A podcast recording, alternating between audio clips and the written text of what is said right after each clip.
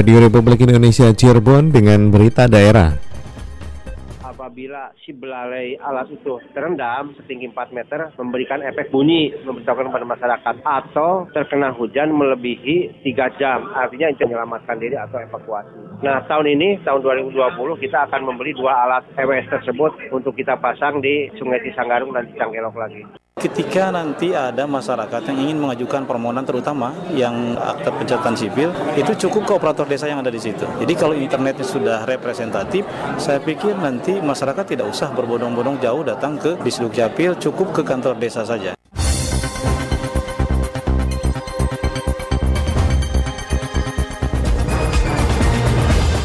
Sari Berita Tahun ini BPBD Kabupaten Cirebon akan memasang peringatan dini bencana banjir. Penyelenggaraan pemerintah harus di diintegrasikan hingga ke pemerintah desa. Bersama saya Aro Anwar, inilah berita daerah selengkapnya.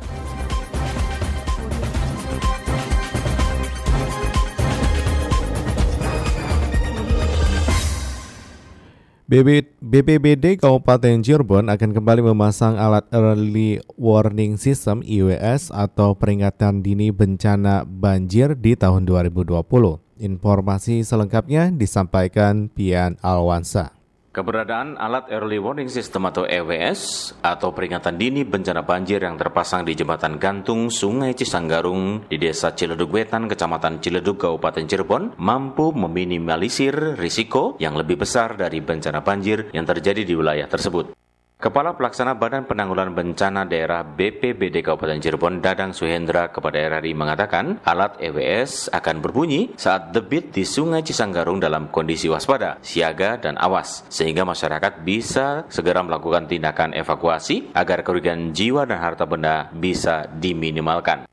BPBD Kabupaten Cirebon berencana akan kembali memasang alat EWS di daerah yang rawan banjir di daerah aliran sungai Cijangkelok dan Cisanggarung. Alat pendeteksi banjir alias EWS alhamdulillah berfungsi. Bahkan pada saat kejadian malam Senin berbunyi dua kali. Artinya berfungsi itu memberikan warning kepada masyarakat khususnya Ciledug apabila si belalai alat itu terendam setinggi 4 meter memberikan efek bunyi memberitahukan kepada masyarakat atau terkena hujan melebihi 3 jam artinya menyelamatkan diri atau evakuasi. Nah, tahun ini, tahun 2020, kita akan membeli dua alat EWS tersebut untuk kita pasang di Sungai Cisanggarung dan Cisangkelok lagi. Pengadaan dari APBD. Dadang Suhendra menjelaskan, EWS bukan alat untuk mencegah terjadinya banjir, akan tetapi alat yang bisa memberikan peringatan kepada masyarakat saat debit air di Sungai Cisanggarung dalam kondisi waspada dan berharap masyarakat bisa menjaga alat tersebut sehingga tetap berfungsi dengan baik. Diana Alwansa melaporkan. Semua penyelenggaraan pemerintah pemerintahan berbasis sistem harus diintegrasikan bukan hanya di tingkat SKPD tetapi juga di pemerintah desa. Laporan selengkapnya disampaikan Cece Rukmana. Platform penyelenggaraan pemerintahan sudah berbasis teknologi informasi sehingga ada beberapa hal yang harus disiapkan terutama infrastruktur dan sistem. Hal ini berkaitan dengan regulasi baru di mana semua penyelenggaraan pemerintahan berbasis sistem dan itu harus diintegrasikan bukan hanya di tingkat SKPD tetapi juga di pemerintahan desa sebagai bagian yang tidak terpisahkan dari suksesnya pemerintahan dan pembangunan di tingkat kabupaten. Demikian dikatakan Sekretaris Dinas Komunikasi dan Informatika Kabupaten Cirebon Yadi Wikarsa kepada RRI terkait fasilitasi fiber optik oleh Pemkab Cirebon ke seluruh desa. Secara keseluruhan itu harus sudah dilakukan. Artinya salah satunya adalah dari sisi aspek pertanggungjawaban keuangan. Nanti sudah berbasis sistem. Jadi ada instrumen-instrumen yang nanti harus dipenuhi dan itu mesti sebuah sistem. Yang keduanya saya mendorong supaya di dalam Undang-Undang 23 2006 tentang administrasi kependudukan ada yang namanya operator desa. Jadi ketika nanti ada masyarakat yang ingin mengajukan permohonan terutama yang akte pencatatan sipil itu cukup ke operator desa yang ada di situ. Jadi kalau internetnya sudah representatif, saya pikir nanti masyarakat tidak usah berbondong-bondong jauh datang ke Disduk Capil, cukup ke kantor desa saja. Hanya memang tantangan ke depannya adalah kaitan dengan SDE, sumber daya manusianya. Nah ini yang menjadi tantangan terbesar karena ketika infrastruktur sudah mewah, sistem sudah dibangun, ketika yang mengoperasionalkannya SDM-nya masih lemah, ini juga menjadi tantangan tersendiri. Ditambahkan Yadi Wikarsa mengantisipasi kesiapan SDM dalam mengoperasikan jaringan internet melalui berbagai pelatihan bekerjasama dengan PT Telkom serta pembangunan Broadband Learning Center di kantor Diskom Info yang ditujukan untuk melatih operator desa dan kecamatan secara gratis. Pihaknya mengapresiasi beberapa kecamatan dan desa yang peduli terhadap peningkatan kapasitas SDM melalui pengajuan dana PIK karena hal itu menunjukkan terbangunnya kesadaran masyarakat untuk mendapatkan bekal pelatihan berkaitan informasi dan teknologi. Cacar Gimana melaporkan.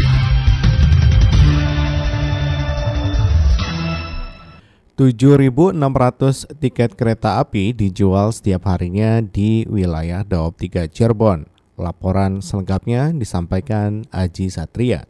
Tercatat sekitar 7.600 tiket kereta api siap dijual kepada para konsumen pengguna kereta api sejak resminya dibuka pembelian 90 hari ke depan sebagai langkah persiapan menuju musim arus mudik balik lebaran tahun 2020 mendatang yang memanfaatkan jasa kereta api. Hal tersebut diungkapkan manajer Humas PT KAI Daup 3 Cirebon, Lukman Arif kepada RRI di sela aktivitasnya di Stasiun Kejaksan Kota Cirebon, Lukman menegaskan bahwa tiket-tiket tersebut disiapkan untuk para penumpang yang akan melakukan perjalanan ke berbagai daerah dengan kuota harian ribuan tiket. Tiket-tiket pun tandas Lukman bisa dibeli di KAI Akses, channel resmi yang telah bekerja sama dengan PT KAI, minimarket, bahkan bisa datang langsung ke stasiun-stasiun yang ada di Cirebon dan berbagai wilayah lainnya. Pemesanan tiket untuk lebaran bisa dilakukan masyarakat mulai tanggal 14 Februari untuk keberangkatan 90 hari ke depan atau H-10 lebaran. Setiap hari kami sediakan di Daop 3 ini ya keberangkatan Daop 3 sekitar 7.600 tiket kepada masyarakat untuk bepergian setiap hari. Sedangkan untuk kereta api yang melintas di Daop 3 ini sekitar 60.000 tiket yang tersedia bagi masyarakat untuk merayakan lebaran di hari raya Idul Fitri nanti. Angka ini masih dinamis ya. Tadi disampaikan Pak Kadau bahwa karakteristik masyarakat Cirebon ini untuk merayakan lebaran memang kebanyakan itu. Jadi angkanya masih dalam proses dan dinamis dan mungkin angka masih bergerak terus. Untuk lebih memudahkan masyarakat untuk melakukan pemesanan tiket ya kami sampaikan bahwa melalui handphone pun sekarang sudah bisa melakukan pemesanan tiket. Jadi bisa melakukan ya secara konvensional datang ke loket bisa dan juga melalui konten loket yang bekerjasama dengan channel-channel resmi yang bekerjasama dengan PT Kereta Api mungkin. Lebih lanjut PT KAI Daup 3 Cirebon sendiri akan terus memberikan pelayanan terbaik kepada para penumpang kereta api dengan berbagai fasilitas terbaiknya. Lukman juga menghimbau untuk para penumpang memastikan kembali tanggal keberangkatan dan kepulangan. Jangan sampai tiket yang sudah dibeli dibatalkan karena hal itu akan menimbulkan kerugian bagi penumpang tersebut. Aji Satria melaporkan.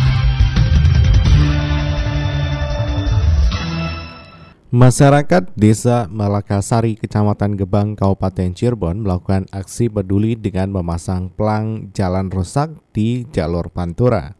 Informasi Selengkapnya dilaporkan Yulianti. Dalam beberapa minggu terakhir, sering terjadi kecelakaan di jalur Pantura arah Gebang menuju ke Losari atau sebaliknya. Tepat di wilayah desa Melakasari, Gebang, menggugah masyarakat desa setempat, khususnya kaum muda melakukan aksi pemasangan pelang yang dibuat warga. Kuwu Desa Melakasari, Kecamatan Gebang, Kabupaten Cirebon, Tarmudi membenarkan adanya aksi tersebut murni didasarkan kepedulian masyarakat terhadap kejadian kecelakaan lalu lintas akibat jalan berlubang. Memang saya tidak memungkiri masalah perbaikan tuh kadang-kadang ya kalau diperbaiki rutin. Cuman tidak lama kemudian paling lama seminggu aspal tersebut meruntus lagi, renyek lagi, kemudian embang-embang-embang dalam. Lah kemudian ada Karang Taruna sangat prihatin sehingga mereka itu pada pasang lubang-lubang pakai tanah, ada yang pakai koral. Tapi ya tidak lama kemudian satu dua hari muncrat lagi kedalamannya. Saya mohon kepada yang berwajib masalah jalan raya, memang bukan di antaranya Lakasari saja lah. Setur saya kalau lalu ke Cirebon ke sana ya jalan Pantura memang rusak. Cuman ini yang saya tahu sendiri karena wilayah saya sangat prihatin kalau tahu malam-malam terutama roda dua. Kalau jatuh kemudian khawatir di belakangnya ada kendaraan roda empat. Itu takutnya begitu. Maka Karang Taruna memberi rambu-rambu di trotoar biar sangat hati-hati masalah pengendara roda dua. Tarmudi mengakui kecelakaan lalu lintas hampir terjadi setiap hari, apalagi saat malam hari karena selain akibat lubang yang terlalu dalam, juga minimnya penerangan lampu jalan. Menurutnya, plang dengan bermacam-macam tulisan seperti jalan rusak, hati-hati jalan rusak, hingga save Pantura dipasang pada pembatas jalan atau trotoar oleh Karang Taruna sepanjang 1 km, terutama terdapat lubang yang cukup dalam. Dikatakan, plang dengan ragam tulisan tersebut dibuat dari kayu bekas dan kertas yang dilaminating. Diharapkan melalui upaya itu bisa membantu masyarakat pengguna jalan raya agar tetap waspada dan hati-hati demi keselamatan jiwa mereka dalam perjalanan melintasi jalur Pantura Cirebon. Pendengar kini kita ikuti berita olahraga. Berita olahraga. Berita olahraga. Invitasi atlet pelajar yang menjadi ikon Pengcap Pasi Kabupaten Cirebon mampu melahirkan atlet yang berprestasi di tingkat nasional dan internasional. Informasi selengkapnya disampaikan Alex Sunardi. Invitasi atletik pelajar yang menjadi ikon Pengcap Persatuan Atletik Seluruh Indonesia PASI Kabupaten Cirebon akan kembali digelar mulai tanggal 25 hingga 28 Februari mendatang di lapangan Rangga Jati Sumber. Invitasi atletik pelajar merupakan kawah chandra di muka bagi atlet-atlet atletik Kabupaten Cirebon dan dari event ini menghasilkan atlet-atlet yang berprestasi baik di tingkat nasional maupun internasional. Erna Nuryanti menjadi alumnus invitasi atletik pelajar yang paling mentereng prestasinya karena saat ini merupakan anggota tim pelatnas dan berprestasi hingga di level Asia. Selain juga ada nama Agus Supratman peraih dua medali emas di Porda Jawa Barat. Ketua tiga Pengcap Pasi Kabupaten Cirebon, Dr. Andes Didin Jainuddin tidak memungkiri jika invitasi atletik pelajar mampu melahirkan atlet-atlet berprestasi yang mampu mengharumkan nama Kabupaten Cirebon di level nasional maupun internasional. Ya, Alhamdulillah bahwa kegiatan invitasi ini memang cikal bakal dari atlet-atlet yang sekarang bisa berprestasi di tingkat nasional, bahkan sudah merambah ke internasional. Artinya bahwa program kegiatan invitasi ini sudah Banyak. Ini merupakan ajang unjuk giginya dari atlet-atlet kabupaten khususnya yang dibina oleh sekolah. Karena di sinilah puncak dari kegiatan pembinaan selama mereka dibina kegiatan ekstrakurikuler di masing-masing sekolah. Didin Jainuddin menambahkan event invitasi atletik pelajar Kabupaten Cirebon yang rutin dilaksanakan setiap tahun dan diikuti ribuan peserta dari tingkat SD hingga SMA mendapatkan apresiasi dari Pengda Pasi Jawa Barat karena Kabupaten Cirebon menjadi salah satu pengcap yang rutin melaksanakan kegiatan atletik di tingkat pelajar. Setiap sekolah di Kabupaten Cirebon selalu mempersiapkan diri dengan maksimal dalam menghadapi event ini, sehingga setiap tahun persaingannya selalu ramai dalam memperebutkan gelar juara umum. Alex Sunardi melaporkan. Sekian berita daerah, selamat pagi.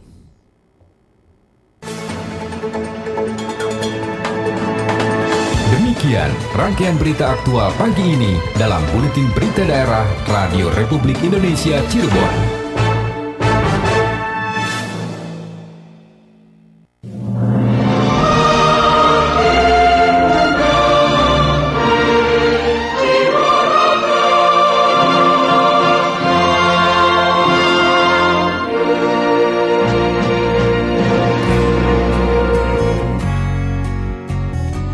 Anda sedang berada di zona 510, lintas Cirebon pagi.